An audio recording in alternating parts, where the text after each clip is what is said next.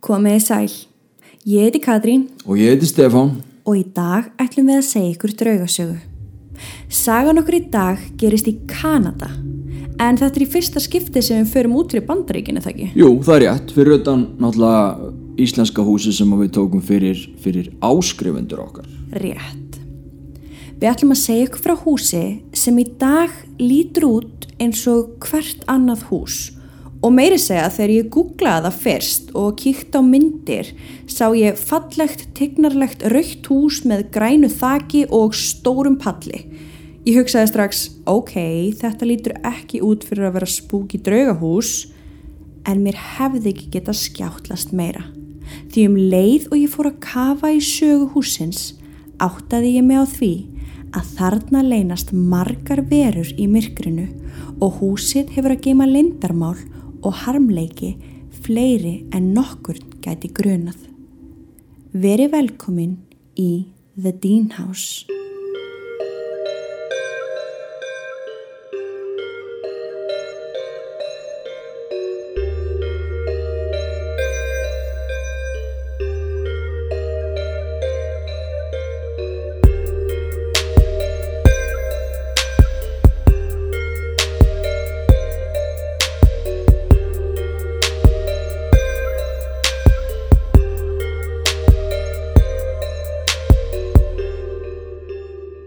The Dean House var hús sem ferðaðist á milli staða.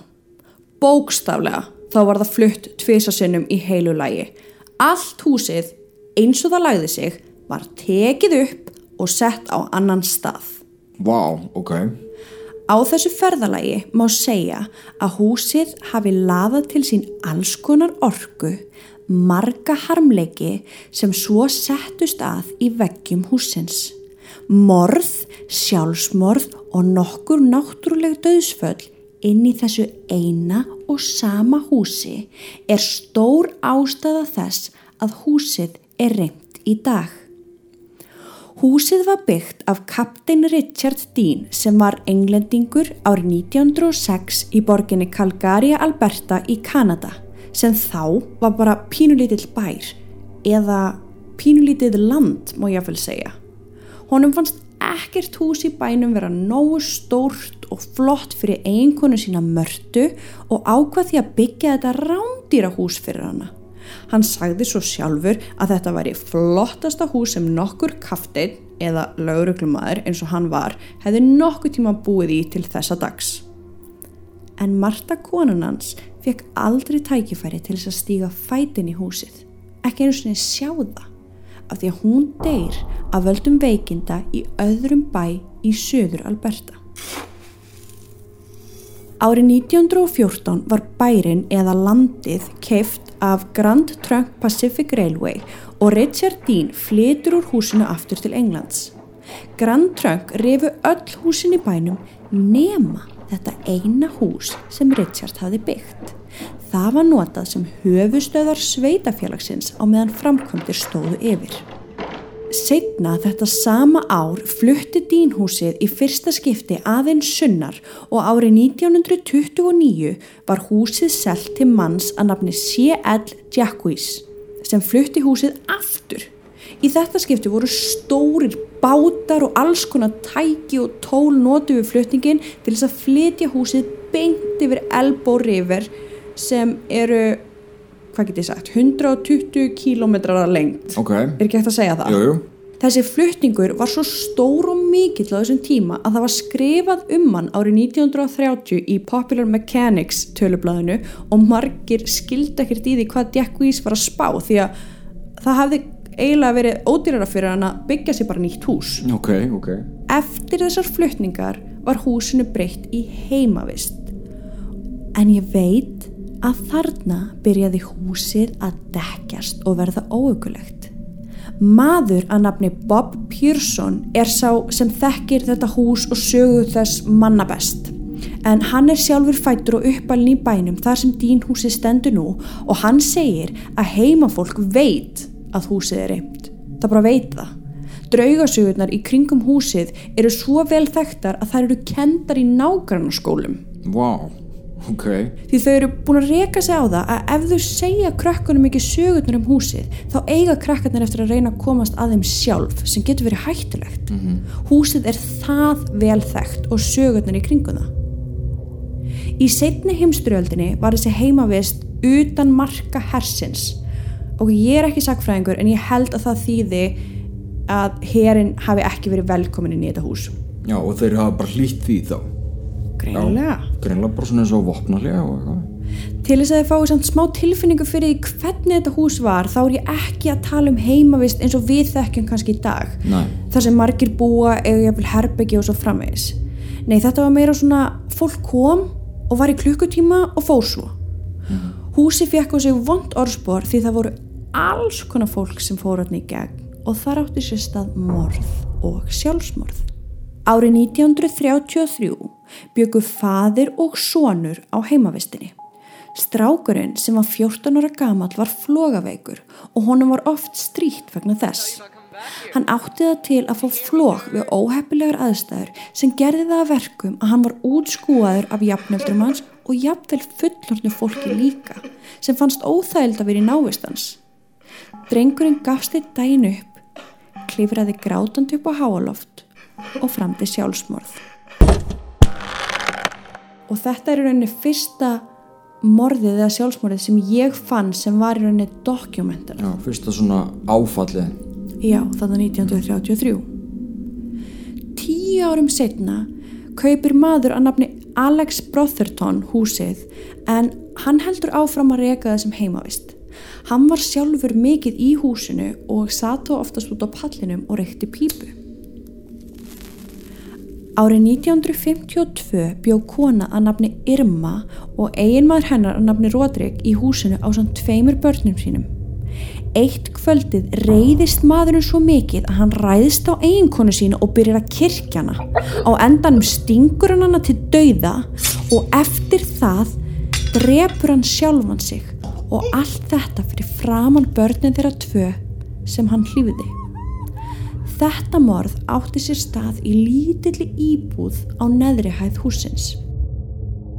Dóttir Alex, eiganda húsins, var bráðkvöld í húsinu og loksins dó hann sjálfur þar inni í litlu íbúðinni þar sem börnin horfði upp á fóreldra sína deyja en hann dó af náttúrulegum orsökum. Hann var sá seinasti til að láta lífið innan veggja húsins. ok, þetta eru nú samt alveg þó nokkuð döðsföll Sko, þessir döðdagar þessa fólk spannar yfir árið 1933 til 1968 og ég er engangu búin að segja þér frá morðunum sem voru í rauninni skrásett. já, Það eru fleiri morð sem eru svona off the record. Það var maður skotin til bana á pallinum fyrir framann útidirnar og annar maður skotin inn í húsinu. Ung kona framdi sjálfsmorð á annari hæðinni með því að hoppa út um gluggan og annar maður dó eftir að hafa verið hrindnuðu stiga. Ok, ég veit að rauði þráðurinn í sögunni er svolítið erfur en það er mjög erfitt að finna almennilega tímalínu á öllu sem hefur gerst inn í þessu húsi.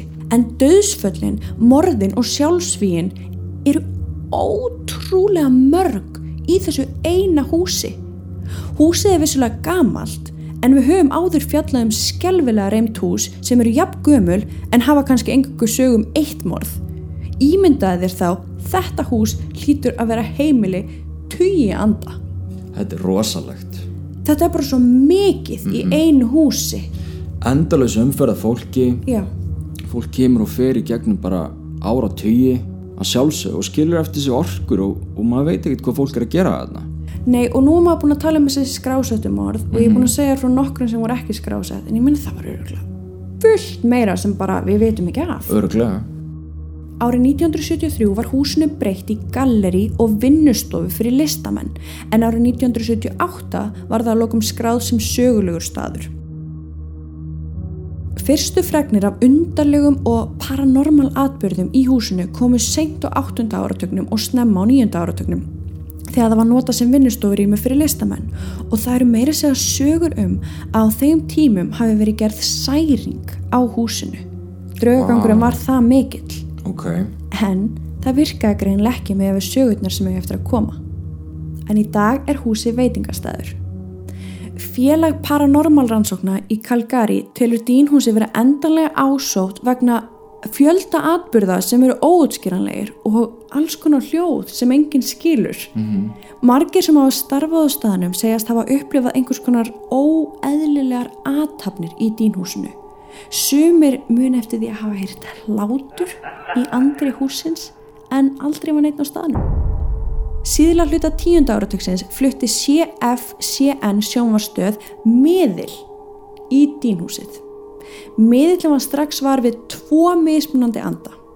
Annar nálagt veröndinni, ok, mögulega maðurinn sem var skotin þar já, og annar í stofunni sem er núna í dag barsvæði. ok, Miðillin fullirti einni að hann teldi húsið vera á indjánagrafreit. það búðar aldrei gott. Það búðar aldrei gott en það er ótrúlega algengt og það er einmitt Já. ótrúlega algengt að hús sem eru virkilega reymd séu á slíkum grafreit. Einmitt. Veitingastæðurinn í dag býður upp á kvöldverð sem kallast Murder Mystery Dinner. Það er eitthvað fyrir okkur. Algjörlega. Þar var kona að leita vísbendingum og hún gengur í kjallara. Það var dimmt og hún er að róta í alls konar dóti og snúa sér í allar áttir til að finna vísbendingu sem átt að vera falin þarna. Hún beigi sig niður til að líta henni í skáp en þegar hún rís aftur upp stendur á mótinni maður beint fyrir framann hana næstum alveg upp við andlit hennar. Hann öskrar á hana svo hátt að hún eigi ekki að vera þarna að landið sé heilagt og hún verða að koma sér burt strax. Konan styrlast úr hræðslu og hleypur upp tröppurnar, skjálfandi úr hræðslu, nær hún í gestgjafan og segir honum að það hafi verið maður niðri, öruglega indjáni, með fléttur sem hafi öskrað á hana að koma sér út. Þessi tiltakna kona kláraði ekki mördurimistri leikin, heldur fór ragleðis út og kom aldrei aftur. Það er eitt rými inn á veitingastæðnum sem hefur verið endugert og á að vera nákvæmlega eins og þegar Richard Dean bjó í húsinu upprunalega. Það má segja að þetta sé eiginlega stofan í húsinu þar sem gestir geta sest niður. En svo margir hafa kvartað undan pípureik þar inni sem kemur alveg úr þurru því þetta er reiklu staður. Lyktin er oft svo yfirþyrmandi að fólk þarf að yfirgefa stofuna. Þetta kemur starfsmönnum ekkert á óvart því þeir sjá oft svartklæta veru sitja í stól inn í þessu herbergi reykja pípu. Hver heldur þú að það sé mögulega? Ég held að það sé bara rétt hjá þeim. Ég held að sé þessu pípureykingar draugur hann. Ég held Alex, Já, seinast eigandinn sem dó í húsinu vegna þess að hann var alltaf fyrir utan húsið að reykja pípu. ah, ok, það getur verið. Í skrifstofunum við hliðin á er líka gamall sími sem virkar ekki og þá erum við að tala um það er ekkert inn í honum. Hann er bara hilki, engir vírar, ekki neitt. Hann áða til að ringja síðla kvölds. Starfsmenn hafa prófað að svara í síman en aldrei heyrist neitt. En þann dag í dag ringir símin en starfsmenn eru búin að komast að því að þetta símtal er greinilega ekki til þeirra. Starfsmaður að nafni Alex Jaxi segir frá því þegar hann varð fyrst var við óðurlega sín við vinnu sína. Hann sá mann fljóta niður stegan og út gangin en hann sá strax að þetta var ekki lifandi maður af því að það vantaði á hann fæturna.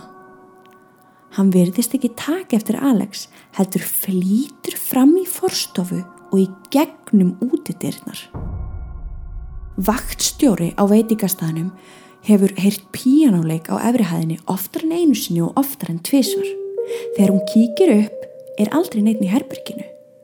Tónlistin stoppar alltaf rétt áður en hún fer inn í herbergið. Í eitt skiptið beigð hún á neðri hæðinni og hlustaði á píjánuleikin. Allt í einu hættir hann. Hún heyrir þá píanostólinn dragast eftir gólfinu líkt og sá sem var að spila væri að spyrna frá sér píanóin til þess að standa upp. Síðan heyrir hún þung fótspor. Hún vissi að það var enginn að uppi. Hún var ein í húsinu Hún hleypur upp stegan og að herberginu sem hún heyrði tónlistina. Um leið og hún kom að hurðinni fannst henni sprengja af köldu lofti fara fram hjá sér ískaldur gustur sem fór yfir hana alla. Hún heyrði ekki í píjánu hún aftur. Fyrir um framkvæmdastjóri veitikastæðsins að nafni Róbert var að klára nokkur verkefni eftir lókun þegar að taskan hans liftist skyndilega af hillunni sem hún var á, rakst í veggin og lendir mjúglega við fætur hans. Þetta var í síðasta sinn sem hann var einn í dínhúsinu. Svolítið svona eins og, heyrðu, þú átt ekki að vera hérna eftir lókun. Nei, Ertu til í að fara? einmitt. Óhugulegasti staðurinn í húsinu er þó klárlega háaloftið uppi. Þar uppi er gamall skápur og á þessum gamla skáp er handafar úr blóði. Engin veit hvaða hlutverk þessi skápur þjónaði. Þetta er ekki eins og fataskápur, heldur meir eins og lítill innbyggður skápur inn í háaloftinu og þetta blóðuga handafar verðist vera fast á hurðinni. Fólk hefur reynd að þurka það af og oft nærða meiri hlutanum en daginn eftir er það komið aftur. Það er líka orðrámur um að handafarið breytist í stærð. Stundum er farið eins og lítil barnahönd og svo daginn eftir eins og að fullorðnum karlmanni. Eigendur veitingahúsins leifa fólki ekki að fara upp á háaloft en þeir hafa leift Paranormal Investigators þangað upp með því skilir þið að snerta ekki handafarið. En þegar þeir ætla að taka mynd af því, bilar búnaðurinn þeirra alltaf trekk í trekk. Vá. Eigendur staðarins hafa líka reynd að loka skápnum og læsa en það er ekki hægt. Hann opnast alltaf aftur og aftur og aftur. Og nú er ég að hugsa, er þetta mögulega portal? Já, það hafa verið svona kenningar um það að það sé portal í þessu húsi. Þú ætti kannski útskýra fyrir fólki sem veit ekki hvað það er. Já, svona portal er talað um að vera hreinlega ingangur og eða útgangur í aðra vít. Við talaðum um þetta áður eins og í Myrtle Plantation þættinum okkar þegar speiklar hafa náða að fanga einhverja orku eða séu beint á móti ingang í húsinniðinu jafnvel ef að speikla séu svipar í sjónlínu og getur endur speikla hvern annan. Þá verið kenningar um það að sé einmitt hætta og það myndist hlið af annari vít en við vitum það svo sem ekkert fyrir víst en það hafa verið í gegnum tíðina eða þú veist bara í marga áratíu vísbendingar um að svona opnanir að öðrum vittum séu tengdar stöðum þar sem rafsegulsbylgjur úr jörðinu séu meiri eða við jarðhittasvæði eða gufukversvæði eða jafnvel indjánagrafrið og það sem ég finnst svo merkilegt er að þetta hús hefur verið fært svo oft mörg hundru kílómetra og í hver skipti orðið aftur að heimili með tilhengandi orkum frá mismunandi stöðum og frá ótal fólki og fyllt í alla tíð allt sitt ferðalag og þar með svo endað á þessum indjána grafreit. Og það sem ég veist líka ótrúlega merkilegt er það að í þessum paranormal heim við höfum ekki ennþá komið staði hvað býr til porl. Næ, einmitt. Það er ekki til einn uppskrift, það er ekki, þú veist, Nei. já, það er skápurinn sem er efst uppi á háalofti þegar þú snýrð söður eða eitthvað þannig. Einmitt. Það er bara hvar sem er. Já, já. Og ástæðan fyrir því að ég mögulega held að það sé ingangur eða útgangur inn í aðra vít er út af þessu handafari. Ég meina ef að handafari er stundum smátt og stundum stórt og það fer aldrei, ég meina hver er að opna þess að hörð? Starfsfólk veitingahúsins hefur verið spurt hvernig þeim líður að vinna inn í húsi sem á sér svona hörmulega sögu og er greinilega reynd. Einn starfsmæður svaraði Mér finnst það allt í lægi nema þegar ég er einn í húsinu þá verð ég svo hrættur að öll hárin á líkama mínum standa upp. Þegar ég er seinastur út úr húsinu þá þarf ég að læsa útidrahörðina framann, slökkva ljósin og fara svo út um bakdyrnar. Það eru svona 20 fet á milli þessar að tvekja hörða og ég hleyp. Ég hef prófað að labba milli í myrkrinu en þá hef ég heyrt hljóð og séð hluti sem ég vil aldrei sjá aftur. Þess vegna hleyp ég eins hratt og ég get. Ég held að ég muni aldrei venjast þessu. The Dean House er eins og fram hefur komið staðsett í Calgary, Alberta í Kanada. Þeir gefa sig út fyrir að bjóða upp á góðan og hotlan mat og er veitingahúsið opið frá miðgudegi til sunnudags. Þeir bjóða upp á vinsmökkun og happy hour. Ef þú ert einhver tíman á ferðalægum Kanada skaltu endilega stoppa í tignarlega rauða húsinu með græna þækinu. Hvað er það versta sem getur gerst?